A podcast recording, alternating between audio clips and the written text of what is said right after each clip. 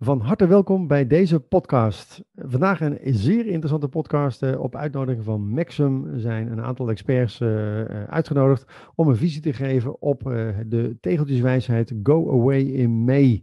En vandaag Harry Klip van de Optie Academy, Pascal Papen uit Vlaanderen en ondergetekende die onze visie hierop grepen. Dus we gaan snel luisteren naar deze podcast.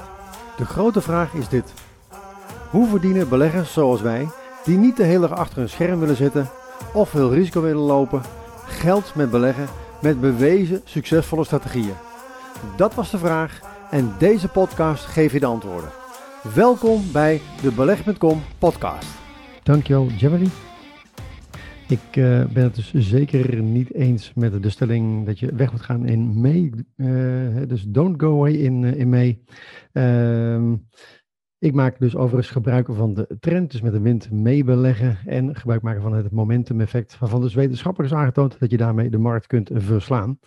Nou, ik denk misschien ook niet dat het niet het juiste moment is om in te stappen. Dat is een veelgemaakte fout en voorkom dat je succesvol bent. Nou, in de afgelopen 20 jaar is de S&P gemiddeld met zo'n 8,2% per jaar gestegen. Dat betekent dat elke 9 jaar gemiddeld je geld verdubbelt. Nou, wanneer je echter op de 10 beste dagen van de afgelopen 20 jaar niet in de markt zat, verdiende je slechts 4,9% per jaar in plaats van 8,2% per jaar. Dus 10 dagen niet belegd dus.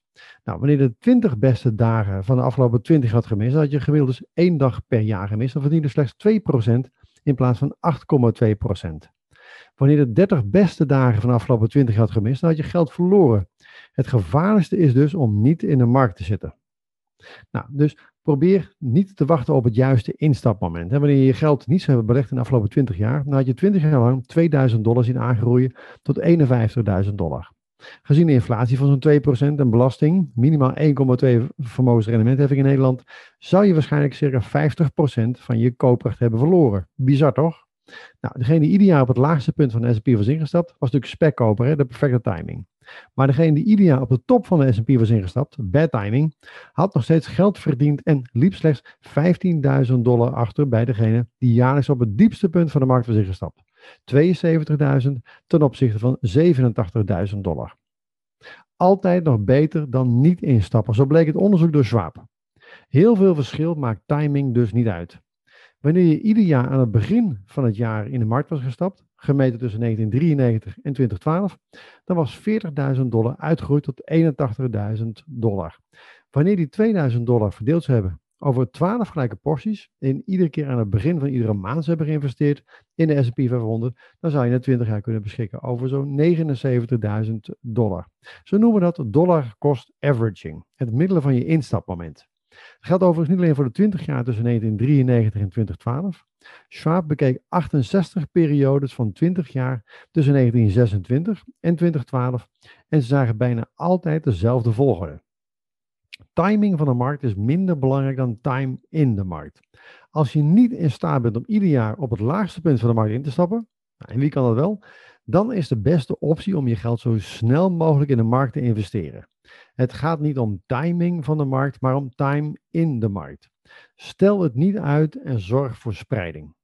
In deze grafiek is te zien dat je, als je maar voldoende zitvlees hebt, er geen kans meer is op een negatief rendement. Nou, na jaren 5 is de kans op een negatief rendement nog maar enkele procenten. En na 11 jaar is de kans nul, al dus onderzoek door Morningstar en Fidelity.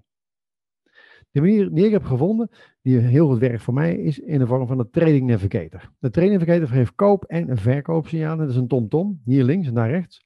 Bij een stijgende trend zit je in de markt. Volg je dus het spoor van de grote, succesvolle beleggers, de grote olifanten. En bij een dalende trend stap je weer uit tot je opnieuw een koopsignaal krijgt. Nou, bij hulp van die ontwikkelde software ben ik nu in staat om in vijf minuten per week de hele markt te analyseren. Ik zo ook eventjes laten, eh, laten zien. Nou, ik hoef alleen maar de pijlen te volgen en zitten dus in de markt wanneer er een mooie stijgende trend is. Bij een forse daling, zoals tussen 2007 en 2009, waarbij Aberts van 22 euro daalde naar 3,36 euro, dan staan wij langs de zijlijn. Dat slaat wel zo rustig. En we kunnen berekenen dat we met een investering van 100.000 euro we ruim 800.000 euro zouden hebben verdiend. Dat komt neer op een rendement van 800% in 28 jaar. Dat is 33% per jaar. Maar we zijn niet 28 jaar belegd, maar ongeveer 6000 dagen, wat overeenkomt met 18,2 jaar. Na een verkoopsignaal kunnen we het geld in een ander aandeel investeren. 800% gedeeld door 18 jaar levert een rendement op van 46% op jaarbasis. Overigens gaan we ervan uit dat we de winsten niet meer herinvesteren. We starten dus ieder jaar opnieuw met 100.000 euro. Wanneer we de winsten opnieuw zouden investeren, dan zou het rendement nog veel hoger zijn geweest. Maar ja, bijna 50% rendement op jaarbasis door alleen het volgen van de pijlen is natuurlijk ook al mooi, toch? Hier zie je de koersen van Egon over de afgelopen decennia. De groene pijlen geven aan waar je koopt en de rode pijlen geven aan waar je verkoopt. Het resultaat van deze koop- en verkoopsignalen zie je in de onderste van de grafiek. Bij Egon zouden we met 100.000 euro circa 700.000 euro hebben verdiend door het volgen van de pijlen. Dat komt neer op een rendement van 25% over 28 jaar. We zouden echter maar zo'n 6000 dagen belegd zijn, waardoor het rendement uitkomt op 43% per jaar. En ook hier vermijden we Egon gedurende de periode waarin de koers 90% daalde, van de 50 euro naar de 5 euro. En toch prettig dat we deze daling tussen 2000 en 2003 van circa 90% niet hoeven mee te maken. En ook die smak in 2007, de kredietcrisis, van een koers van 16 euro naar de bodem in 2009 op een koers van 1,82 euro, die werd ons bespaard door het volgen van het verkoopsignaal. Nou, dat geeft er enorm veel rust als je weet dat je dit soort grote dalingen niet hoeft mee te maken. Hier zie je de koers van KPN over de afgelopen decennia. KPN daalde sinds 2000 van 45 euro naar 1,23 euro in 2001. Simpelweg het volgen van de pijlen zou dan met een investering van 100.000 euro circa 270.000 euro, zo'n 270 procent, hebben verdiend met KPN. Dat is 12 procent per jaar over een periode van 22 jaar. Ook hier zaten we nog geen 5000 dagen in KPN, wat is overeenkomt met 13,3 jaar waardoor het rendement op jaarbasis uitkomt op circa 20%. In de zeven jaar dat KPN in een dalende trend zat, zouden ons geld hebben belegd in bijvoorbeeld Unilever, Heineken, ASML of Ahold. Hier zie je de koers van ASML sinds januari 2016. Het enige dat we eigenlijk doen is het zoeken naar een trend op de korte, de middellange en de lange termijn. Pas dan mogen we instappen. Bij de grafiek van ASML zien dat we op tijd een koopsignaal kregen. Die gele streepjes geven aan waar de stop los ligt. En deze schuift mee naar boven op 20% van de hoogste koers. Dat werkt als een soort van vangnet, zodat we een opgebouwde winst niet meer verspelen. Nou, bijna 100% winst sinds het koopsignaal in juli 2016. Nou, moeilijker kan ik het niet maken. In dit overzicht zie je de resultaten per aandeel over de afgelopen decennia. Nou, niet alle aandelen doen even goed. Hè? Een aandeel dat jaren daalt, zal niet veel opleveren, maar er gaat om spreiding. Een bewezen systeem en het volgen van een trend. En dan hebben we nu eerst gehad over het gebruik van een hefboom in combinatie met deze aandelenstrategie. Maar ook het combineren van de trendstrategie met opties is erg interessant. Want deze strategie doet het uitstekend in een stijgende trend. Als we deze strategie gaan combineren met een strategie die het goed doet in een zijwaartse of een dalenmarkt, dan ontstaat een stabiel maandelijks rendement. Nou, had je het systeem blind gevolgd, dan had je gemiddeld ruim 20,6% per jaar verdiend. Nou, niet slecht toch? Nou, het jaar 2020 verliep niet bijzonder positief, maar goed, we mogen niet klagen naar alles wat er is gebeurd. Het totale rendement sinds 1993 komt voor de trendportefeuille uit op 567% Dat is overigens exclusief dividend of het herinvesteren van winst. Nou, we beginnen dus iedere keer weer met een portefeuille van 20.000 euro. Sinds 1993 is de AX per jaar gemiddeld zo'n 7,5% gestegen. Het totale rendement komt daarmee uit op 211%. Het gemiddelde rendement van de trendportefeuille ligt ruim boven de 20% exclusief dividend. Het slechtste jaar was min 19%. Bij de AEX was het slechtste jaar min 52% in 2008 tijdens de kredietcrisis. Het beste jaar was plus 77%, waar de AEX 41% in waarde steeg in 1997. Nou, van de 29 jaar ligt het gemiddelde op circa het dubbele. Wanneer er zich een verliesjaar voordeed, dan bleef er bij de trendportefeuille beperkt tot een gemiddeld verlies van 12%, waar de AX gemiddeld in een negatief jaar 25% van zijn waarde verloor. In winstgevende jaren lag er bij de trendportefeuille gemiddeld 35%, waar de AX gemiddeld 17% in waarde steeg. Overigens is het allemaal zonder dividend, dat komt er dus nog bij. Nou, met behulp van moderne software behaal ik mooie rendementen en we hoeven dus hooguit één keer in de week in actie te komen. Eén keer per week moet lukken, toch? Dat is het mooie van deze tijd. We hoeven dus niet meer te beleggen zoals in de jaren 90, want iedereen kan op dit moment met je eigen computer en een internetverbinding hiervan profiteren. Hoe mooi is dat? Nou, ik zal eventjes uh, dat in een live demonstratie geven. Ik schakel eventjes over naar mijn andere scherm. Nou, hier hebben we bijvoorbeeld Atjen.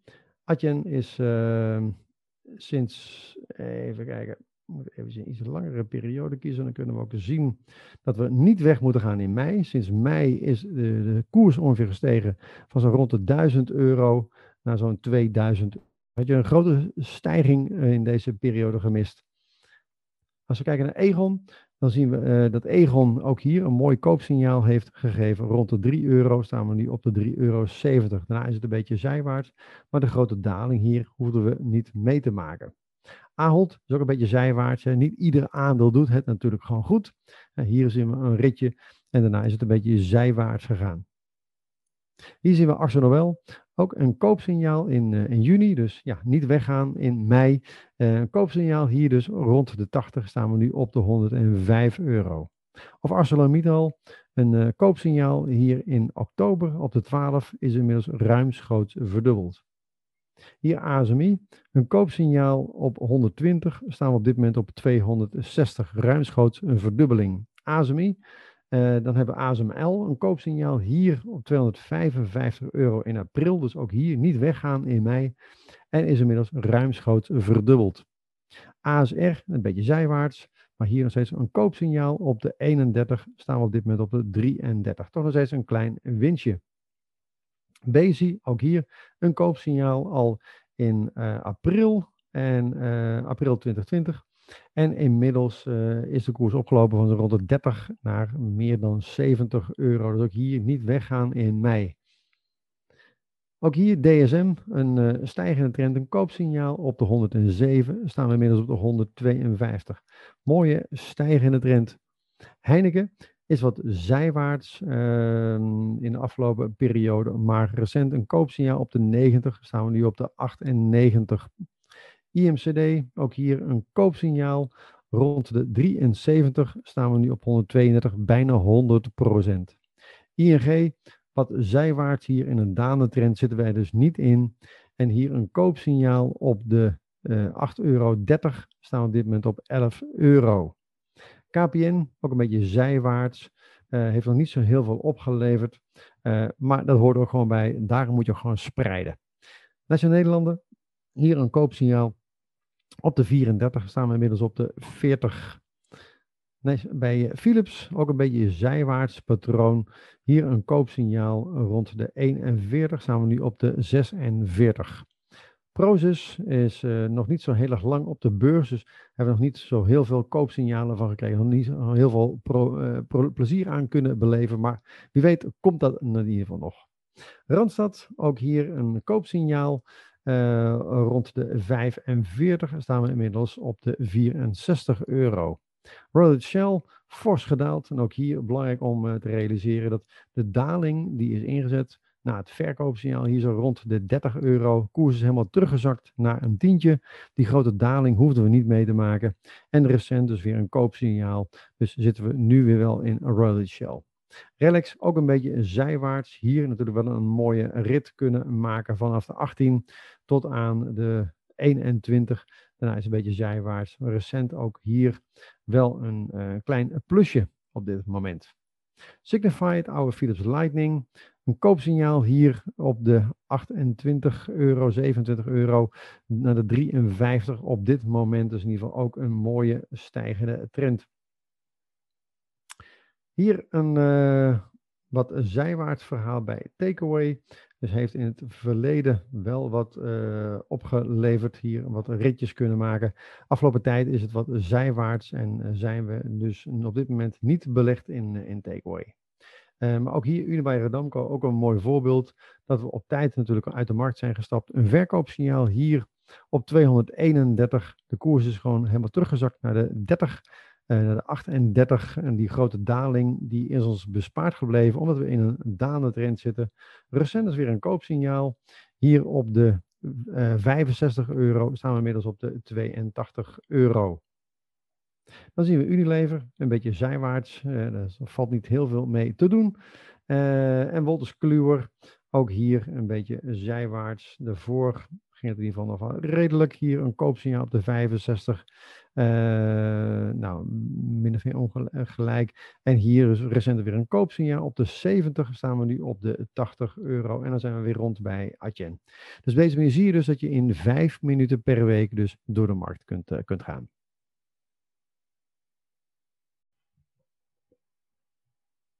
Natuurlijk iedereen naar die indices kijkt, uh, dus naar de index. En men wil toch minstens hetzelfde rendement halen als de index. En af en toe neemt men dan geen Tesla's op, waardoor, waardoor men het iets minder goed doet. Dus dat creëert nogal wat stress. Wel, die mensen, is begrijpelijk, die willen er een aantal weken tussenuit in uh, bijvoorbeeld uh, juli en augustus. En vandaar dat we in de financiële centra, zoals Wall Street en de Londense City, en uh, gelijk welk financieel centrum of gelijk welke bank of gelijk welk huis, fondshuis, zien we toch wel dat mensen het wat rustiger aandoen in de zomermaanden. We zien dat trouwens ook de laatste weken van december. Maar dat is geen reden voor kleine en grote beleggers om dan uit die markt te blijven. Want net zoals Harm net heeft gezegd, neem je toch wel een groot risico, omdat je eigenlijk speculeert dat je uh, verwacht dat die markt dan sowieso gaat dalen in uh, juni, juli, augustus en misschien het begin van september. Toen we elkaar zagen, zo net, vroegen jullie hoe is het daar? In België hebben gezegd het is warm. Wel, het is ook warm op de financiële markten. Sinds vandaag uh, zijn onze cafés en onze restaurants weer open en mogen we weer binnen. We mochten al een tijdje buiten zitten op het terras. We hebben echt uh, schitterende terrassen, maar het is heel goed dat wanneer het uh, regent en mensen weten dat het alles kan regenen in België ook, dat je toch weer binnen kan vluchten in het restaurant of in het café. Wel, dat kan weer vanaf vandaag. En net zoals Harm net zei, het is niet altijd makkelijk om in Brouwer aandelen te beleggen. Uh, maar ik heb dat onlangs toch gedaan door de grootste brouwer ter wereld. Sorry jongens, maar dat zijn wij uh, te kopen. Ik heb er ook een mooi artikel over geschreven op spaarvakkers.be. Ik bekijk het wel even van een andere kant dan Harm. En er is niks mis mee. Ik zelf kijk naar technische analyse, maar gebruik het enkel ter ondersteuning van aankoopbeslissingen of verkoopbeslissingen die gebaseerd zijn op fundamentele analyse. Dat is zo, zoals ik in elkaar zit. En ik denk dat ieder fondsbeheerder of ieder belegger, of dat hij nu particuliere belegger, institutionele belegger is, dat hij het op zijn manier doet. En ik beleef daar nu eenmaal uh, fun aan en ik beleef ook uh, heel mooie rendementen. En we hebben trouwens hier in de Antwerpse Kempen, net onder uh, de Nederlandse grens, hebben hier in het plaatsje Geel, daar hebben we ook een hogeschool. En daar zijn we zeven jaar geleden begonnen met enkele mensen, een twintigtal mensen. Zij hebben ook beginnen beleggen, hè, met uh, beleggingslessen te geven. Dat was ook op de hogeschool. Um, nu, wat is er gebeurd? Ondertussen zijn we met meer dan 300 actieve beleggers. We zijn verenigd in 15 beleggingsclubs. In september komen er weer twee bij. En al die clubs, de oudste die is nu zeven jaar oud, die hebben uh, schitterende portefeuilles met bijvoorbeeld uh, eh, Atjanokin, uh, met ASML, met ASMI, met Nvidia. En dat zijn aandelen die vaak al 100, 200 procent gestegen zijn sinds de aankoop. Af en toe wordt er dan winst genomen op ASML. Wanneer was het? Twee of drie jaar geleden. Het is al even geleden. Hebben ze een flinke duik genomen. En dan heeft men weer bijgekocht. En zo is men toch ook weer een beetje bezig met trading. En bleef daar geweldig plezier aan. Dus af en toe, bij sommige aandelen, vindt men dat die wat uh, overgewaardeerd zijn van een fundamenteel standpunt. En dan neemt men er voor een deel afscheid van. Maar men vindt het ook niet erg, meestal om fundamentele redenen om hele dure aandelen op te nemen. Uh, bijvoorbeeld in december hebben wij Tesla gekocht. Wij vonden het al jaren veel te duur. En dan is het geweldig hard gegaan. Waarom hebben Tesla opgekocht? U weet, of, waarom hebben Tesla gekocht, niet opgekocht? U weet dat natuurlijk, dat was omdat ze in de index kwamen de S&P 500. En um, die index die is heel belangrijk. Maar daarnaast, zoals ik net zei, zijn er ook heel wat fondsbeheerders die ook al zijn ze actief op een vrij passieve manier toch wel die index moeten volgen. En hebben gezegd dat zal leiden tot een koopwoede. Dat is ook effectief gebeurd. Hebben wij er weer uh, afscheid van uh, genomen omdat eigenlijk het aandeel veel te duur is. Maar goed, als het in al die trackers moet opgenomen worden en in die actief beheerde fondsen, dan krijgen we ook een stijging. En zo zijn wij iedere uh, ja, ik zou niet zeggen iedere dag, maar uh, zijn we toch heel vaak bezig. We hebben dan ook een Facebookpagina die we weliswaar afgesloten hebben van de buitenwereld. Maar we geven ook heel veel informatie via spaarvarkens.be.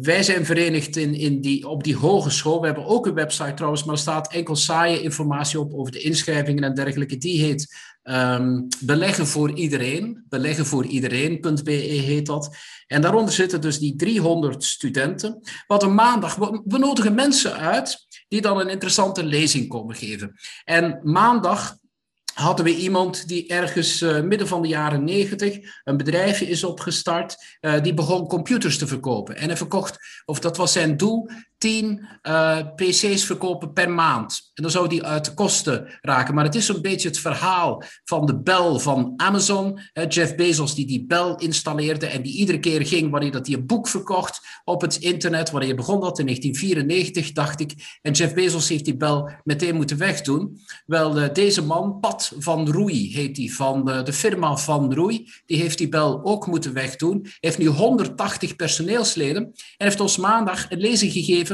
over cybersecurity. En wat ik dan heel jammer vind, is dat ik dacht, verdorie, ik had die vorig jaar moeten uitnodigen om een lezing te komen geven over cybersecurity. Want de bedrijven die hij in persoonlijke naam al gekocht heeft als particulier belegger, die zijn natuurlijk geweldig hard gegaan. Um, maar we hadden eigenlijk bijna een jaar geleden, hadden we een andere man als spreker. Dat staat trouwens gratis op YouTube te bekijken. Als u daar even gaat kijken naar Bruno Segers. Bruno Segers was uh, vroeger de CEO van Microsoft in België en in Luxemburg. En Bruno Segers zei: Ik weet niks van beleggen. Ik weet ook niks van technische analyse. Ik ben helemaal niet bezig met beleggingen. Maar als je mij vraagt welke aandelen dat je zou moeten kopen, dan zijn het er drie.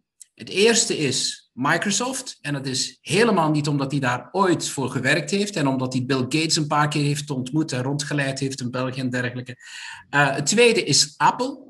Dus ook mensen die, die gewerkt hebben voor Microsoft durven Apple aan te raden. En het derde is cybersecurity omdat we, en dat was, uh, ja, dat was een jaar geleden. Die aandelen die zijn geweldig hard gegaan. En ik verwacht ook dat die de komende jaren nog geweldig hard gaan. Waarom? Niet omdat ik net zoals Harm kijk naar de grafieken. Maar omdat ik ervan overtuigd ben dat die bedrijven niet anders kunnen dan heel veel geld verdienen.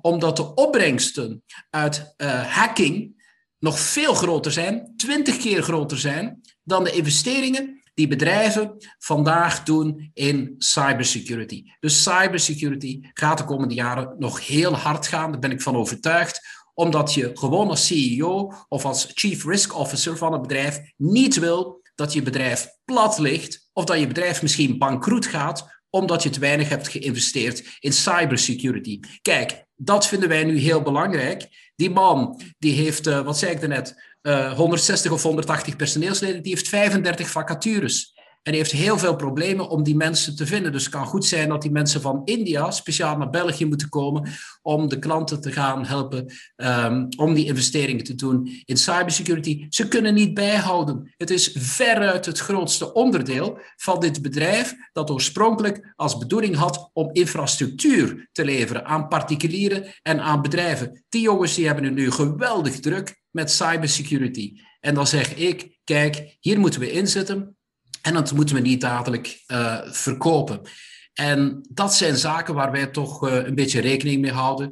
En ja, het is uh, wat, ik, wat ik eigenlijk noem eenvoudig beleggen. Kijk eens rondom je. Als binnenkort de cafés, de restaurants weer vol zitten. En ik weet wel voor AB InBev, hè, want erover spreek ik dan, maakt België eigenlijk niet zoveel uit. Maakt Europa niet zoveel uit. Het gaat vooral om de VS, om Brazilië, om China, uiteraard. Maar ik heb dus in een tiental puntjes hè, op het uh, artikel op spaarbanks.be heb ik uitgelegd waarom ik denk dat, ook al hebben ze een grote achterstand opgebouwd de afgelopen vijf jaar, ja, het is waar, met Heineken bijvoorbeeld, ze hebben geweldig slecht gepresteerd, AB InBev, ze hadden die overname van Sap Miller, hadden ze eigenlijk nooit mogen doen, hebben ze veel te duur betaald. Maar ik ben helemaal niet bang voor de geweldig grote schuldpositie die AB InBev heeft op termijn uh, gaan ze hun voordeel nog doen met die investering in SAP Miller. Ze, ze zijn daardoor sterker geworden in groeilanden. en in Afrika en dergelijke. En het is gewoon een familie, of het zijn een aantal families die gewoon op de lange termijn kijken.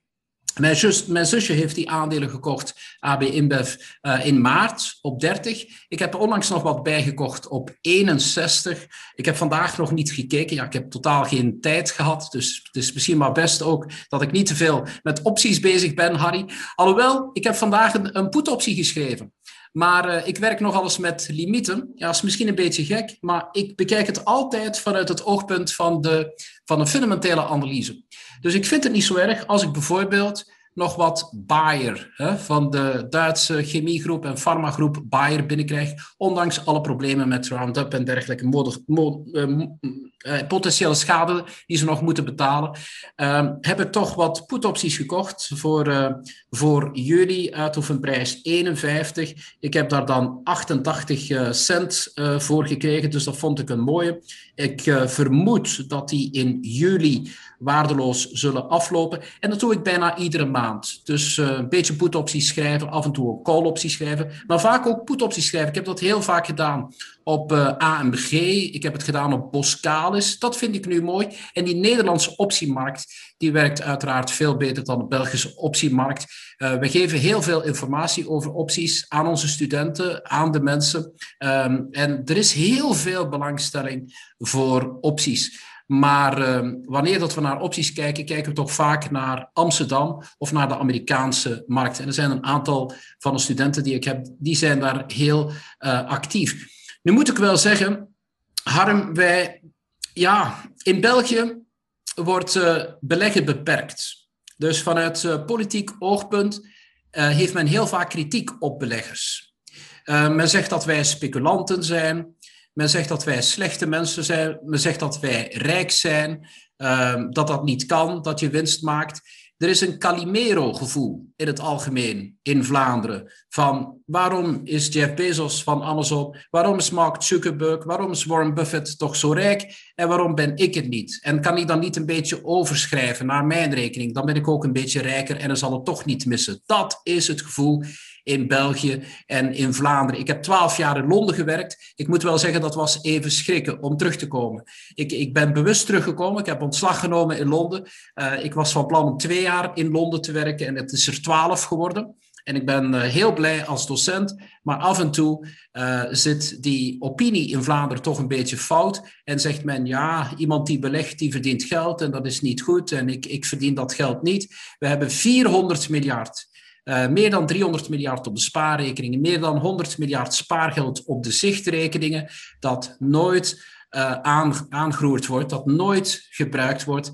En daar moeten we uiteraard werk van maken. En dan moeten we zeggen, kijk eens, uh, dat zijn toch prachtige producten, dat zijn prachtige bedrijven. En als je op termijn bekijkt, dan kan je alleen maar winnen. Ik vind het heel mooi dat Harm dat uh, onderzoek van Schwab heeft getoond. Ik zou het ook uh, eventueel kunnen hebben over andere onderzoeken van Fidelity bijvoorbeeld, waaruit blijkt dat de beste beleggers, dat dat dode beleggers zijn, of dat dat beleggers zijn die gewoon belegd zijn en dat die, dat die vergeten zijn dat ze in een hele mooie gespreide portefeuille belegd zijn en dergelijke. Nog één punt. Waarom zeg ik dat we benadeeld zijn in België? Omdat we hoge taksen moeten betalen, telkens we handelen. Vandaar denk ik dat opties nog wel een potentieel hebben in België. En dat ik niet begrijp dat uh, zo weinig Belgen die optiemarkt kennen. Want als we aandelen kopen, dan moeten we 0,35% belasting betalen. In Londen is die hoger. Heb je een stamp duty van een half procent. Maar wij moeten die 0,35% ook nog eens betalen wanneer dat we die aandelen verkopen. Dat wil zeggen 0,7%. Dat is een heel zware belasting. Komt daar natuurlijk nog de kleine commissie bij voor de broker, maar dat is heel beperkt. Um, en het is dus vooral die tax die mij stoort. En dat maakt dat Belgen nu eenmaal niet snel kunnen in- en uitstappen in die markt. En dat misschien die, die fundamentele analyse Weliswaar met cashen wanneer dat uh, aandelen al te duur worden. Uh, weer wat cashen, zodat er weer wat uh, oorlogskas is, dat we weer kunnen instappen wanneer dat we lagere niveaus hebben. En die krijgen we bijna altijd. Kijk maar eens naar Boskalis, dat was zo ook. AMG bijvoorbeeld. Ageas, hè, want jullie hebben Egon, wij hebben Ageas. Moesten, maar kijk, ik heb er ook iets over geschreven in augustus vorig jaar 35, onlangs deden we 53. Prachtig bedrijf. Dividendrendement in augustus uh, meer dan 7%. En vandaag nog altijd 5,3%. En er was een investor day en daar heeft het management beloofd dat die dividenden de komende jaren nog zullen stijgen. Uh, men koopt ook eigen aandelen. Het is een bedrijf, is een van de weinige bedrijven die ouder is dan België zelf. Dus België is nog maar sinds 1830. Ik geloof dat. Uh, Ageas of Assurance Générale, zoals de verzekeraar officieel heet, dat die bestaat sinds 1824. Wel, als je dan uh, zo'n lage koerswinst hebt en zo'n mooie dividenden, en als je dan een verzekeraar hebt die ook nog eens is geïnvesteerd in India en in China, ja, dan, dan, moet, je, dan moet je niet verder zoeken. En Egon volg ik ook wel een tijdje op, maar ja, ik ben blij dat ik daar niet in zit als fundamenteel belegger. Hè, want dat, dat vind ik eigenlijk jammer. Terwijl dat Ageas het de laatste tien jaar gewoon schitterend heeft gedaan. En waarschijnlijk ook de komende jaren het nog uh, heel goed zal doen. Kijk, naar dat soort uh, verhalen kijken we. Je kent Wereldhaven, maar ken je ook Wereldhaven België? We hebben de Belgische variant en die is veel goedkoper dan de moedergroep. Dus vandaar dat mijn collega Spaarvarkens al een paar keer uh, naar Wereldhaven België hebben gekeken. Uh, en wij vinden dat daar potentieel in is 91% van de winkelpanden die verhuurd zijn.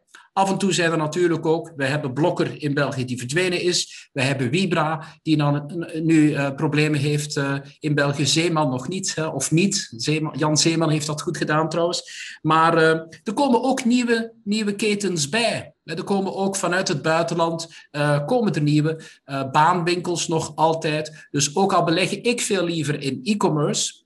we vinden dat bepaalde gereglementeerde vastgoedvernootschappen, zoals dat dan heet in België, dat die fenomenaal ondergewaardeerd zijn. En daar kijken we ook naar, omdat dat potentieel biedt.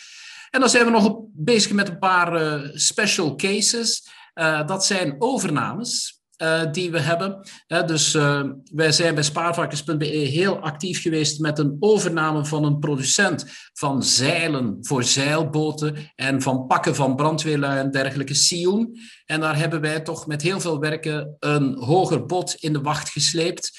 Um, dat hebben we onlangs ook gehad bij Zenitel. Daar waren wij persoonlijk veel minder uh, bij betrokken. We hebben het ook eens een keertje geprobeerd op Orange Belgium. Dat is helaas niet gelukt. Dat was een mooie premie, 50% boven de koers. Maar we vonden dat nog veel te laag. De prijzen die Orange betaalde voor zijn Belgische vehikel Orange Belgium. En uh, zo, zo, zo, is er iedere dag uh, weer wat dat, dat gebeurt. En ja, daar blijven we over uh, schrijven en we zijn er heel blij mee. Uh, dus ik deed dat in, in die kranten. Ja, ik vermeldde het, het laatste nieuws. We hebben ook de beste krant van Limburg in België. Dus Belang van Limburg, schrijf ik ook um, iedere week voor. Uh, maar we doen het dus ook iedere week een aantal keer op spaarvarkens.be en we kijken naar, naar fundamentele zaken. Kijk, een uurtje geleden, nee, het is niet waar, het is uh, twee uurtjes geleden, was ik bij mijn neefje en mijn petekind. Die is vandaag 12 geworden. Dus uh, die slinger, Harry, die is uh, voor Lennart. Lennart is mijn petekind. Okay. is vandaag 12 geworden. Maar uh, dan kreeg hij krijgt, hij krijgt nog cadeautjes en hij krijgt de komende dagen ook cadeau. Dat je niet zegt, wat geef je hem nu? Uh, maar hij kreeg vandaag al een, een cadeau. Nu ben ik uh, de naam weer vergeten. Maar het is, wacht, ik ga het opzoeken. En het bestaat al een aantal jaren, maar het is zo net de eerste keer dat ik ervan hoorde. Het is een product, ken je het? Air Up. Air Up. Ken je dat? Air Up. ik vind het prachtig. Wat is het? Het is eigenlijk bedrog. Het is bedrog. Uh, fraude. Nee, het is, het is geen fraude, maar het is wel bedrog. Uh, dus het is een drinkbus waar je water drinkt. En uh, het is een heel innovatieve drinkbus. Dus ik weet niet hoe ze het hebben bedacht. Maar wanneer dat je drinkt of wanneer dat je eet, dan, ehm, dan is ook de geur heel belangrijk. Dus wat is er nu? Je vult die drinkbus met water, 100% water. En er zit een ringetje bovenaan. en dat, uh, dat heeft een geur van cola of uh, limoen of aardbei of gelijk wat. En zo drink je water, maar je hersenen denken dat je cola aan het drinken bent. En wanneer dat ik zoiets zie, en het bestaat verdorie al een paar jaar, en nu vind ik dus op die grootste krant van, van België in uh, een artikel van vorig jaar, uh, een Duitse start-up, AirUp, ontwikkelde die speciale drinkfles. Um, maar ik wil onmiddellijk weten wie dat produceert. Ja, als het een start-up is, is de kans heel klein dat die al op de beurs staat. Maar in zoiets wil ik inzitten. Hè? Dat wil ik hebben.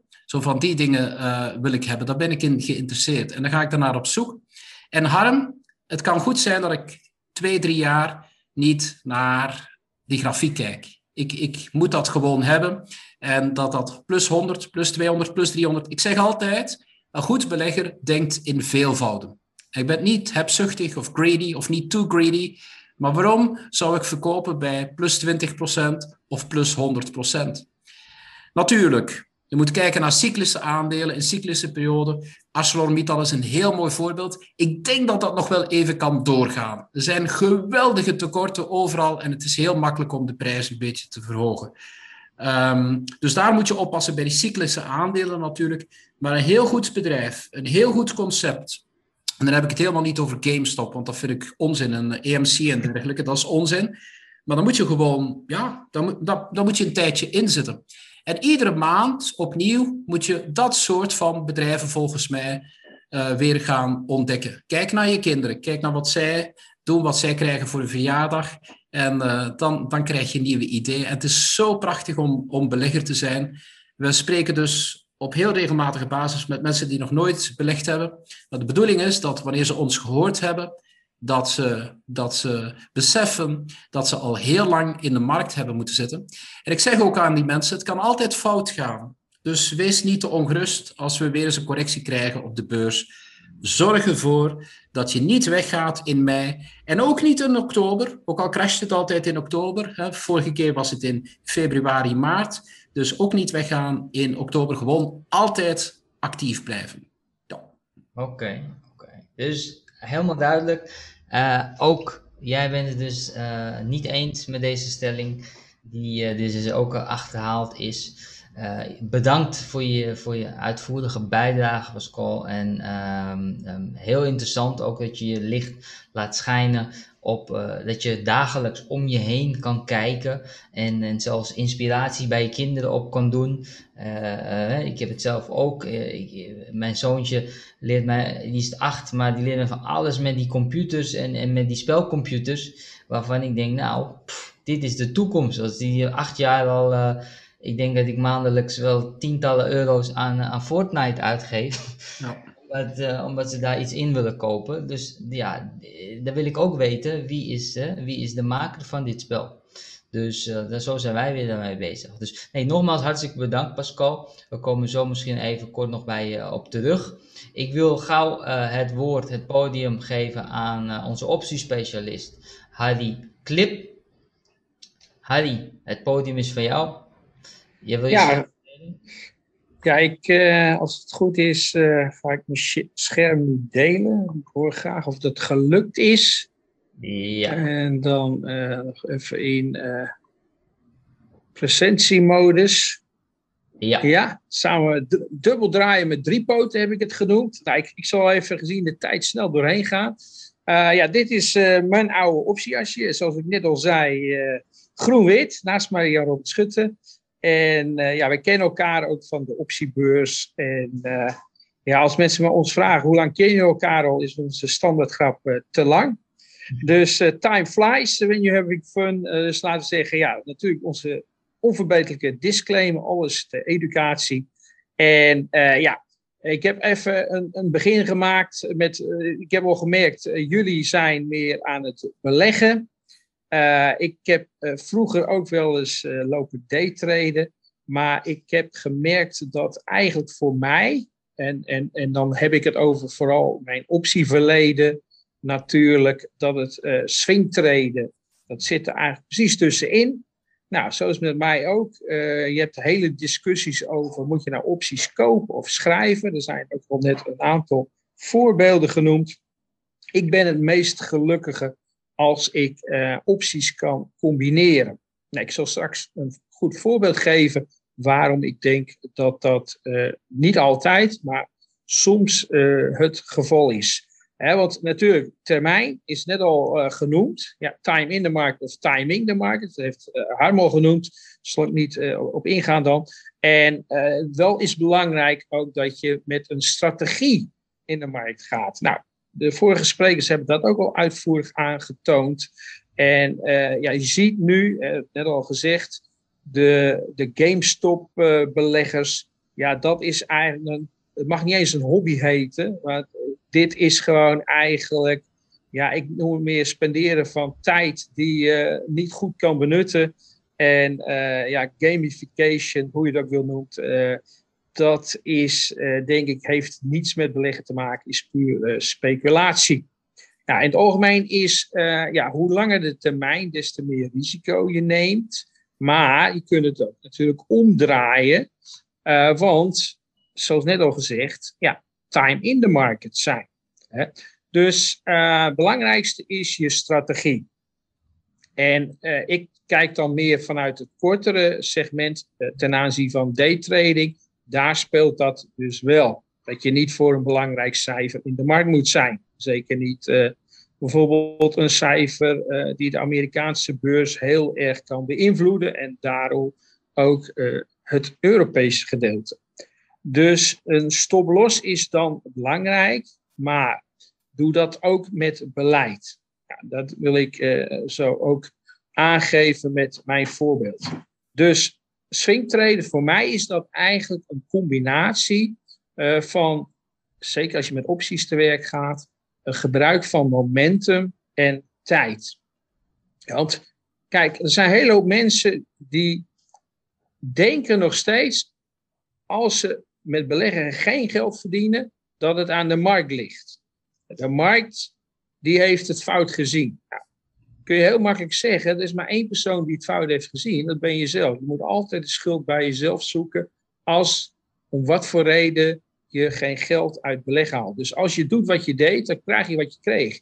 Dus dan is een soort repeterende breuk. Iedere keer gaan ze eigenlijk tegen dezelfde steen stoten. Nou, dat is natuurlijk ja, heel frustrerend. En daardoor stoppen ook, denk ik, een hoop mensen met beleggen. Dus daarom is het raadzaam om in de spiegel te kijken. Of misschien nog belangrijker, zoek een goede riskmanager. Nou, ik heb er een gevonden, Jan Robert en ik. Wij kunnen elkaar scherp houden en daar hebben we geen spiegel dan voor nodig. Ik zal gelijk naar mijn voorbeeld gaan. Baidu, buy the dip. Uh, want eigenlijk het een van de opvallendste dingen van de afgelopen paar maanden was uh, het verhaal over uh, Archegos. Ik hoop dat ik het goed uitspreek, maar uh, een aantal van u zal er iets over gehoord hebben. Een heel grote hedge fund manager die eigenlijk met behulp van ook een soort derivaten te veel posities had ingenomen met een te hoge leverage. En die werd afgebouwd. En daardoor is eigenlijk een aantal aandelen ja, uh, in een bepaalde ja, downtrend gekomen. Terwijl dat niets met het bedrijf te maken had, maar puur dus dat een bepaald hedge fund uh, ja, uitgeholpen werd, zeiden we dat vroeger op de optiebeurs. Dus die werd even uit zo'n positie gehaald. En ja, een van die voorbeelden is Baidu. Baidu is een Chinees bedrijf. En afgelopen eerste kwartaal hebben ze de omzet met 25% zien stijgen. En ook dit jaar, dit kwartaal, wordt er weer een omzetstijging verwacht. Nou, uh, gezien de tijd, ik zal het verder niet hebben over Baidu, maar wel over het voorbeeld dus, wat ik dan zie met opties en hoe in te spelen op een stijging zonder veel te investeren. Kijk, ik snap mensen die zeggen, joh, ik koop er 100 aandelen van. Hè, maar ja, niet iedereen kan zich dat veroorloven. Zeker niet als je ziet, eh, we halen even de chart erbij, dat dat fonds, nou, nog niet eens zo lang geleden, een maand of drie geleden, uh, stond het ruim boven de 350. Ja, inmiddels is het gezakt, is het ongeveer gehalveerd. Als je vanaf de piek van de 360 zitten we nu in de buurt van de. Gisteren stonden we iets van 188. Vanochtend eh, zag ik wel dat het misschien nog ietsje lager stond. Maar ik heb eh, de laatste paar uur dus niet gevolgd.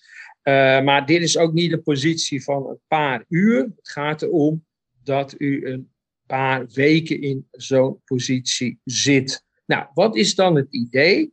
Zoals ik net al zei, ik hou erg van drie poten. Nou, de naam zegt het al, dat bestaat uit drie verschillende optieseries. En dat is dan ook een combinatie. Nou, dus gelijk het mooie bij Maxim is dat je opties kunt combineren en ook in één keer met een bepaalde prijs kunt meegeven. Dat kan bij de meeste brokers niet, maar bij Maxim gelukkig wel. Nou, en uh, ik zal eerst uitleggen, oké, wat kun je doen? En als je een driepoot long, dat betekent dat je per saldo inspeelt op een stijging van het aandeel. Nou, ik weet ook niet precies waar de bodem ligt. Dus ik hou ongeveer zo'n 10% aan. En ik kijk dan ook uh, natuurlijk en naar de chart en naar de fundamentele kant. Waarom is dat aandeel gezakt? Nou, dat heb ik net al aangegeven. En wat kun je dan doen? Je koopt een bepaalde call met een uitoefenprijs, in dit geval ongeveer zo'n 5% hoger dan de huidige koers. Maar daar verkoop je ook nog een hogere call op. Dus met een hogere uitoefenprijs. In dit geval, je koopt de 200 strijk en je verkoopt, oftewel schrijft, de 220 strijk. Dat betekent dat je een potentie hebt van 220 min 200 is 20 punten. Nou, 20 punten op een koers van, laten we zeggen, een kleine 200 is ongeveer, in dit geval ruim 10 procent. dus wij verwachten niet dat dit aandeel in een paar weken gelijk 20% zal stijgen. Ik zeg niet dat het niet kan, maar dan hebben wij eigenlijk een winst die we aftoppen. Nou, en dat vind ik niet erg. Daarnaast willen we de investering nog verder verlagen door het schrijven van een put. Nou, werd net al aangegeven dat je dat ook bij een aantal andere fondsen kunt doen. Uh, hè, dat uh, zei Pascal al dat hij dat leuk vond om uh, op een lager niveau bijvoorbeeld de aandelen te kunnen kopen. Nou, mijn bedoeling is niet hier om de aandelen op een lager niveau te kopen, maar ik wil de investering verkleinen. En dus enerzijds het voordeel een hefboomwerking, anderzijds het voordeel weglopen van tijd. Want twee van de drie poten, die leveren geld op. Dus maar één van de drie waar ik een investering doe. Dat is wel de hoogste van de drie, om zo ook die hefboom uh, mogelijk te kunnen maken. Dus groot voordeel ten opzichte van investering van 100 aandelen, waar je nou, in dit geval ruim 19.000 dollar kwijt bent. Nou, ik kan me voorstellen dat niet iedereen dat in één positie wil hebben. Uh, dus op deze manier, ik zal zo laten zien, investeer je minder dan 100 dollar. Dus dat is wel even een groot verschil. Dus minder investeren. En belangrijk is wel, als de koers jouw richting opgaat, dat je ja, wel een hoge winst kunt behalen. En bij deze strategie, dus een driepoot kun je zelfs als je een beetje ongelijk hebt, en ik, ik heb hier dus ongeveer 10% dat je het fout ziet, dat je toch niet tegen een groot verlies aanloopt van die 10%. Want we willen dus wel, zeg maar, de lusten als we goed zitten, maar we willen eigenlijk niet de lasten als we het verkeerd zien. Nou, laten we het voorbeeld bekijken. Dus dit is op basis van uh, de koersen van uh, vanochtend, zal ik maar even zeggen, toen uh, de Amerikaanse beurs dus nog niet open was. En ja, dit is op basis van het juli-contract. En is altijd de standaard, is de derde week van juli. Nou, dat is nu ongeveer nog zo'n uh, zes weken. En dat is ook een periode die wij vaak gebruiken tussen de, laten we zeggen, meestal uh, anderhalf tot tweeënhalf maand. Wij willen graag wel een serie handelen waar, werd net al gezegd, waar een kleine spread in is. Dat betekent een klein verschil tussen koop en verkoop, dat je makkelijk in de markt kan, maar ook weer makkelijk uit de markt. Nou, en als je bijvoorbeeld een half jaar verder gaat, je gaat bijvoorbeeld in december, ja, is daar veel minder handel in. En dan gaan de market makers, die gaan die spread echt verhogen. Nou, en dat is hier dus niet het geval. Dus liquide markt, dat willen we hebben. Nou, wat, wat doen we dan? We kopen de juli 200 strike voor 4,10 dollar. En we schrijven dus twee verschillende opties: de 220 call en de 170 put. Nou, daar krijgen we totaal 3,5 dollar voor. Dat betekent dat we dat van die investering af kunnen trekken. Dus 14 investering minus 3,5 ontvangen is 60 dollar exclusief kosten. En die zijn bij Maxim gelukkig heel laag, ook in Amerika. En dat betekent dat we net boven de 200, ja, dan gaat die hefboom goed zijn werk doen en dan gaan we geld verdienen. En dan moet ik erbij zeggen dat de payoff, met dank aan Harm, die heeft deze uh, ja, payoff mogelijk gemaakt, zullen we zeggen, met zijn software. Uh, dat die hefboom dan flink gaat lopen, is geënt op de payoff op expiratie. Kijk, gaan we morgen gelijk naar de 196, noemen wat, zo'n 8 punten omhoog, dan merk je dat natuurlijk deze strategie gelijk al een flinke winst oplevert. Maar dat kunnen we dan alleen maar in benadering zeggen, want we weten één belangrijk deel van de opties weten we niet, en dat is de volatiliteit. Dat is altijd de onbekende factor. Maar we weten wel, als de koers omhoog gaat binnen één dag, dat we echt wel goed geld gaan verdienen. Nou, dit is dan de payoff. Ik hoop dat het goed zichtbaar is. Op expiratie, dus de derde vrijdag juli is dat. En ja, als u ziet uh, de berekening uh, van de expiratie, als de koers naar 160 gaat, ja, dan verliezen we flink. Dat is meer dan 10% daling. Uh, die kans acht ik niet zo groot. Als ik dat wel groot zou achten, had ik deze affaire natuurlijk niet bedacht. Hè, maar dan hebben we ook altijd de mogelijkheid nog om tussentijds aan de noodrem te trekken. En dat kost geld, we weten. Maar een voordeel bij opties is dat u ook in de tijd uw positie kunt doorrollen. En dat betekent dat u bijvoorbeeld zegt, in juli 170 ga ik doorrollen bijvoorbeeld naar de augustus 160. Dat is een mogelijkheid. Het hangt helemaal af ook van het verhaal wat erbij zit. Kijk, als er fundamenteel iets veranderd is, uh, in China verandert er iets. Of uh, er is een nieuw hedge fund uh, wat ook blijkbaar positie in Biden had, wat in de problemen raakt. Ik, ik noem maar iets, hè of de, eh, er komen hele slechte cijfers aan. Nou, dan is er altijd reden om te zeggen, joh, de markt ziet het goed, wij zien het fout en we komen in actie.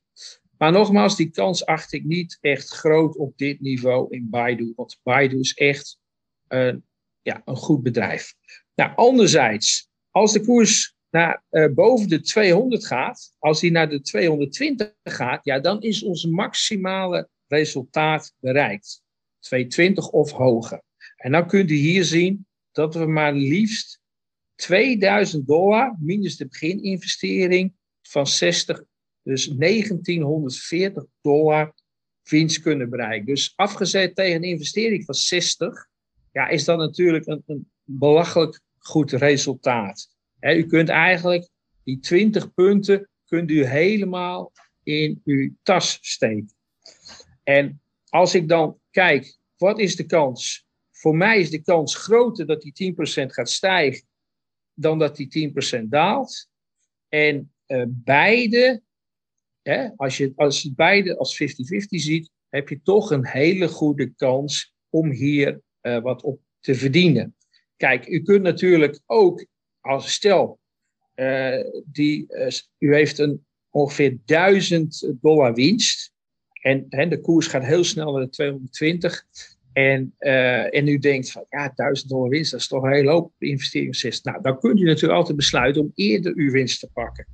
En, en dan haalt het niet het maximale resultaat. Maar ja, ik moet zeggen dat het voor mij ook moeilijk is om uh, uh, zo lang te blijven zitten. maar anderzijds is het natuurlijk zo dat als eenmaal die trend keert en de koers door de 200 gaat, dat het ook wel weer snel kan gaan. Nou, dat is even de gedachte bij een driepoot long. Dus nogmaals, u investeert maar één keer, u ontvangt twee keer geld, waardoor de totale investering heel laag is. Als de koers misschien vandaag uh, eh, 1 dollar is gedaald, kunt u misschien bijna over nul opzetten. Wordt die nog mooier. Kunt natuurlijk ook eventueel, als u zegt 170, vind ik nog iets te groot risico. Om het iets te verlagen nog naar de 165 of 160. Nou, dit is een stukje maatwerk. Ik kijk altijd naar het moment op dat tijdstip. Nou goed, ik heb voor, ik ben optiehandelaar geweest. Dus ik heb een redelijk gevoel voor uh, cijfers, voor wat is duur, wat is minder duur. En ik probeer natuurlijk altijd, dat is een beetje het spel, om voor weinig zoiets op te zetten. Want nogmaals, het risico ten opzichte van de reward verhouding is hier denk ik heel acceptabel. Uh, nou, dit is een beetje in het algemeen. Ja, opties eh, beleggen is een beetje schaken. Uh, ik moet zeggen, in mijn tijd toen op de optiebus heb ik ook een tijd op een schakeluk gezeten nog. Dus vandaar misschien dit voorbeeldje. Maar denk dus altijd een stap verder dan je tegenstander. En ga dus van tevoren ook in een noodscenario denken. Want dat komt op zijn tijd ook voor. Weet dan al, als dit gebeurt, dan doe ik dat. En wij hebben dan uh, dat we iets doen.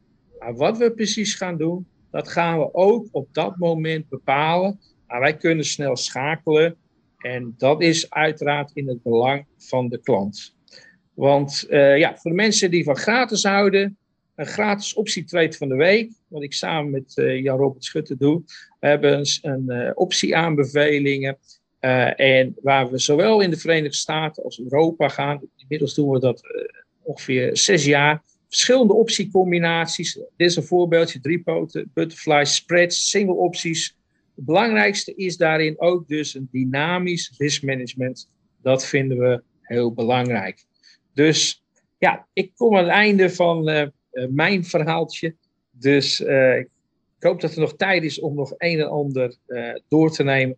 Dan hoor ik het graag. Ja, Dankjewel. Ik, dankjewel Hadi voor, jou, voor jouw bijdrage. Um, ik zag dat er in, in de chat waar in ieder geval um, wat uh, uh, was een, een, specifieke vraag over deze uh, Excel software over de optie payoff te berekenen ergens terug te vinden is. Um, ik, ik, wil deze mensen, als jullie een vraag hebben, dan mogen jullie dat zeker sturen ook naar Maxim, maar ook, net zag je ook info.optieacademy.nl. Uh, maar als u naar Maxim stuurt, dan zorgen wij ook gewoon dat het uh, op de juiste plek terechtkomt bij de juiste mensen, zodat u rechtstreeks in contact komt uh, met hun. Um, ja, nou goed. Ik, ik, ik ben er met jou nog, de, Hadi, heb jou de vraag nog niet gesteld. ondanks de hele optiestrategie die je aangaf, ik ga er dus vanuit dat jij deze strategie het hele jaar doormaakt en dat jij niet kijkt in welke periode je zit van het jaar. Nee, inderdaad. Uh, het zou mooi zijn op de optiebeurs als we uh, zouden kunnen hebben gezegd: jongens, we gaan nu even vijf maanden met vakantie. Maar ik denk niet dat mijn toenmalige baas daar blij mee zou zijn. En kijk, het afgelopen jaar heeft bewezen, en dit jaar bewijst het opnieuw, van uh, je moet niet te veel in tegeltjes. wij zeiden, ik heb bewust wel een tegeltje even ingezet. maar natuurlijk, iedere dag zijn er kansen. Pascal zei het net ook al er komen iedere dag nieuwe bedrijven. Er komen nieuwsberichten waar je op kunt handelen. Maar denk niet te veel in te korte termijnen. Goed, op de optiebeurs dacht ik in ultra korte termijn. Dus ik ben redelijk wat opgeschoven. Maar ja, ik, eh, ik denk dat ik nooit een pensioenbelegger van 30 jaar zal worden. Uh, maar ik heb wel geleerd. Uh, probeer ook niet altijd in de meest dynamische bedrijven te handelen. Uh, iemand heeft tegen mij wel eens gezegd: van veel kleine slokjes word je ook dronken. En uh, zeker uh, bij het lekkere bier uit België. dus dat is gewoon iets wat je, je moet regelmatig ook wat fiches van tafel halen. Maar als ik naar mezelf kijk, mijn grootste fout is geweest dat het aandeel wat ik als tweede kocht, dat was Holland America Line. Nou, dat is van cruise ship eigenlijk naar investeringsmaatschappij gegaan. Die man uh, van de vorm uh, heette die. Die was zo goed. Die is eigenlijk twee keer zo goed als Warren Buffett, die iedereen wel kent. Maar als ik dat aandeel had gehouden, en ik had toen als student, had ik daar, nou, zo'n beetje mijn hele studiebeurs ingezet. Uh, 4000 gulden, dat is al 1800 euro. Maar als ik dat nooit had verkocht, ja, dan had ik, denk ik, nou, zo'n beetje een huis voor kunnen kopen. Uh, en dat geeft ook aan, en dat vond ik wel mooi, wat, wat Pascal ook uh, zei, van je moet, denk ik, sommige bedrijven hebben die je niet wil verkopen. En uh, zeker met het systeem van Harm kun je net zo lang wachten totdat je een verkoopsignaal krijgt. Dan is het moment daar. Hè, maar er, met opties, ja, dan moet je denk ik wel andere strategieën ook daarnaast zetten. En ik denk zelf, ik heb bijvoorbeeld twee portefeuilles. Eén is voor lange termijn, ander voor korte termijn. Ik denk dat dat heel goed werkt. Dat je voor verschillende portefeuilles ook verschillende strategieën hebt. En dat je ook weet hoe je dat natuurlijk moet uithandelen. En, en, en, en daar moet je van tevoren wel over nagedacht Een grote fout die heel hoop maken, is dat ze een aandeel kopen voor zeg maar de korte termijn, even een ritje. En dan denken ze alleen maar, ik koop op 10 en dan gaat hij op 12 weer uit. En dan zeggen wij, oh, wij verkopen op 9. Eh, dan zeggen ze 9. Hoe kan dat nou? Want dan heb je verlies. Ja, we denken dus van tevoren al in een risk management systeem. Van we kunnen ongelijk krijgen. En, en dat werkt gewoon goed. Want die mensen die zo denken, die verkopen niet op 9, die verkopen niet op 8. Die zeggen op 8, ik verkoop weer als het 10 staat. En dan ja, heb je natuurlijk kans dat dat niet meer gebeurt. Dus wat doen ze dan? Ze gaan schuiven ook qua potjes. Ze zeggen, ja, het was een korte termijn actie, maar nu doe ik hem in mijn lange termijn. Nou, en dat is wel een, een gevaar wat ik, waar ik mensen op wil wijzen. Pas op dat je dat niet doet. dus ga van tevoren beslissen. Dit is voor lange termijn, dat is voor korte termijn. Eventueel uh, kun je natuurlijk ook verschillende accounts uh, aan gaan doen. Hè, maar dat is aan jezelf. En zorg dat je eigenlijk iemand naast je hebt die, als je zelf kent, ik ben er niet zo goed in, zorg iemand die een goede riskmanager is en die je ook helpt om je bij de les te houden. Okay. Ik denk dat dat belangrijk is. Oké. Ehm, ik wil nog even terugkomen bij Pascal en, uh, en Harlem. Um, Harlem, jij hebt in het begin uh, het, het, uh, het, woord gehad. Je, je hebt uh, laten zien dat je hele mooie koop- en verkoopsignalen zeg maar, krijgt. Um, kan je mij nog één keer, of niet nog één keer, maar kan je mij vertellen van. want heel veel mensen zien natuurlijk die grafieken en die denken van ja, dat wordt natuurlijk heel lastig voor mij. Maar um, kan je vertellen hoe, want volgens mij, ik heb een kennis die had het, had het aangeschaft en die kreeg een hele goede begeleiding bij. Ja, klopt. Ik zal misschien anders nog eventjes mijn scherm delen. Ik had uh, even een overzicht gemaakt van wat er allemaal in het pakket zit. Want het is namelijk niet alleen de software, want uh, het is hetzelfde als je Word of Excel koopt, dan uh, ja, moet je er daarna ook mee leren werken. Dus uh, wat we hebben gedaan is, we hebben uh, samen met het hele team eigenlijk ook een, uh, een, pakket samengesteld.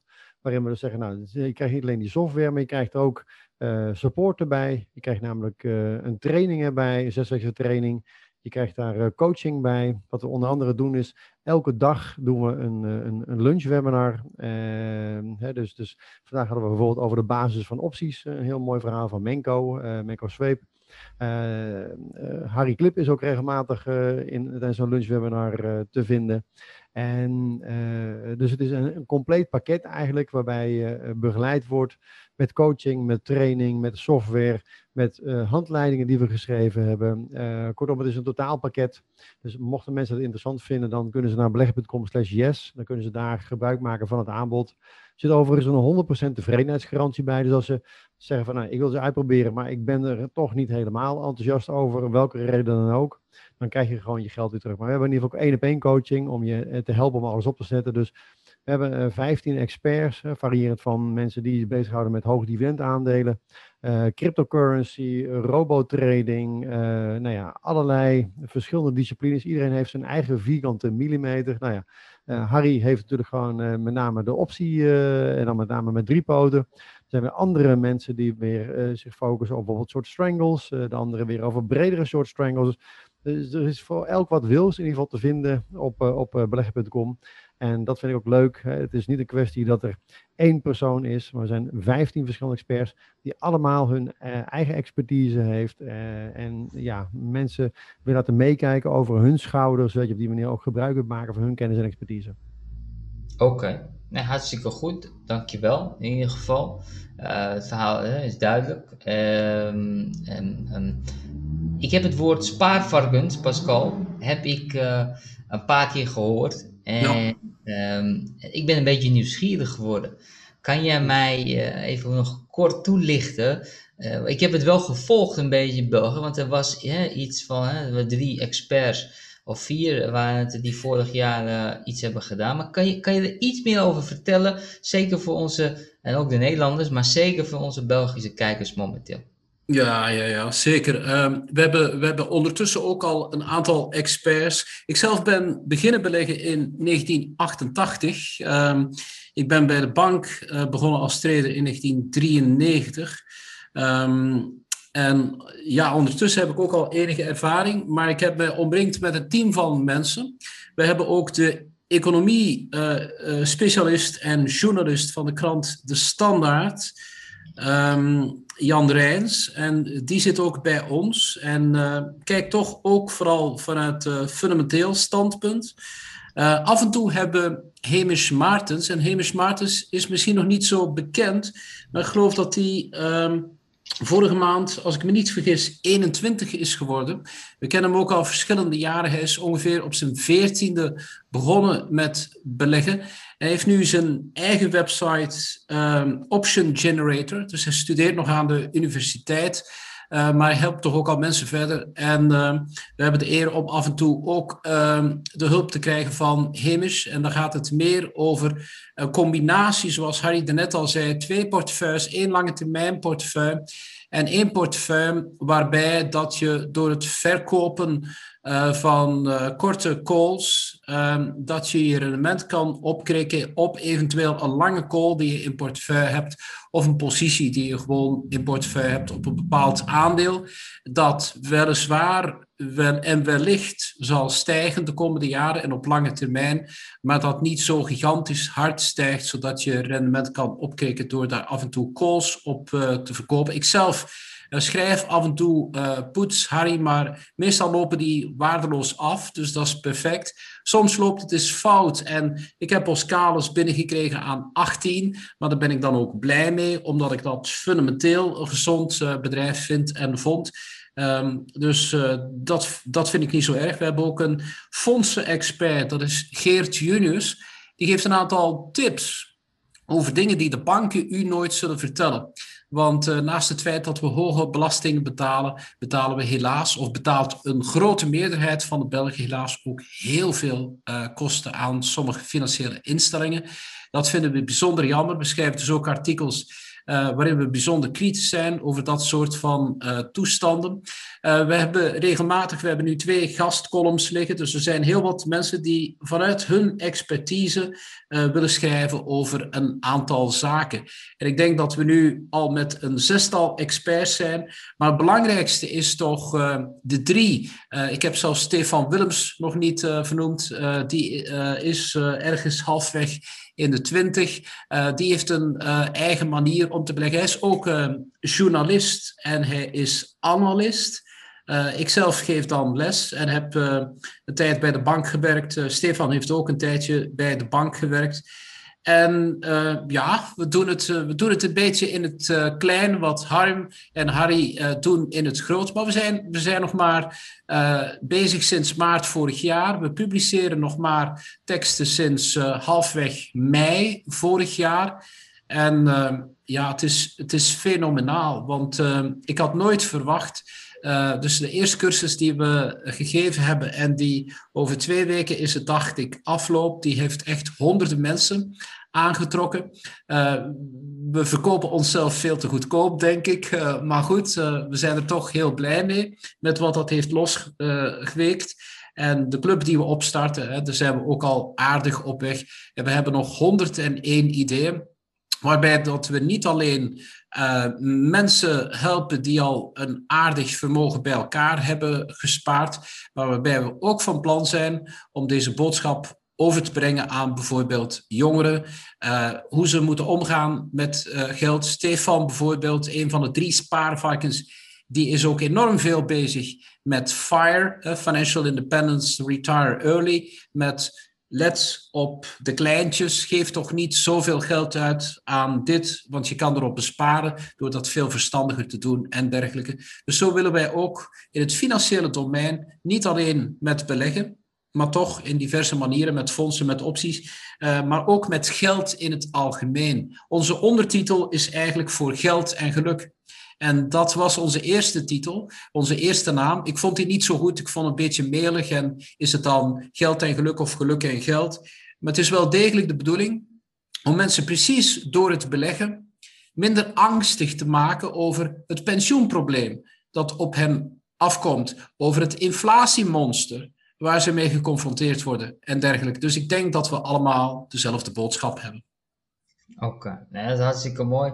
Ik, eh, ik krijg al meteen, het zal misschien dit jaar nog even iets te vroeg zijn, maar mogelijk in het voorjaar 2022 kunnen we een mooi groot event uh, met uh, beleggen.com en spaarvarkens en een stukje opties erbij organiseren. Misschien wel dicht bij de grens van Nederland en België, zodat beide landen het kunnen bezoeken. En ik, ik weet zeker dat we een zaal met, met 3 tot 500 man zo kunnen vullen. Um, dat weet ik eh, zeker. Dus die, eh, die gaan we zeker verder ontwikkelen. Um, rest mij om jullie alle drie persoonlijk te bedanken voor de tijd die jullie hebben genomen. Voor de mensen die uh, dit webinar hebben gevolgd. Er zijn er toch heel veel geweest, zie ik. Uh, ruim al, een kleine anderhalf uur lang. Um, als je deze beleggers-expert uh, nog een bepaalde vraag of je hebt interesse in de diensten of uh, producten die, uh, waarmee zij zelf werken. Ehm, zij zijn dus eh, te vinden, Pascal, op spaarvarkens.be. Ehm, Harm is de via beleggen.com en Harry via optieacademy.nl. dus dat kunnen we. En mocht u het niet meer weten, dan mag u altijd Maxim ook mailen uh, van oh, hoe kan ik deze heren ook alweer bereiken? En dan zullen wij uh, zeker zorgen dat de vraag of, uh, of de contactgegevens van de website, zal niet de persoonlijke contactgegevens zijn, maar terechtkomt op de juiste plek. Oké, er zijn een aantal vragen in de chat gekomen, zie ik. Die waren ook voor Maxim gericht, maar die zijn ons zeker niet ontgaan. Dus die zal ik zeker per e-mail door, uh, door ons team laten beantwoorden. Wees u daar niet bang voor. Oké? Okay? Nogmaals, hartelijk dank Pascal, hartelijk dank Harm, hartelijk dank Harry. En ik wens jullie verder nog een hele fijne avond. En alle mensen thuis ook een hele fijne avond verder. Dankjewel, het was heel leuk. Dus uh, wij hebben voor, uh, voor inhaling vatbaar in ieder geval. Uh. Ja, dat denk ik ook zeker aan het aantal kijkers. Zeker weten. Dank ja. allemaal. Fijne oh. avond. Dank je. Wil je meer weten over beleggen? Bestel dan jouw kopie van mijn boek in 10 stappen succesvol beleggen of meld je aan voor de gratis online training op www.beleggen.com. In mijn boek en training ontdek je stap voor stap hoe wij bewezen succesvolle strategieën gebruiken om geld te verdienen op de beurs.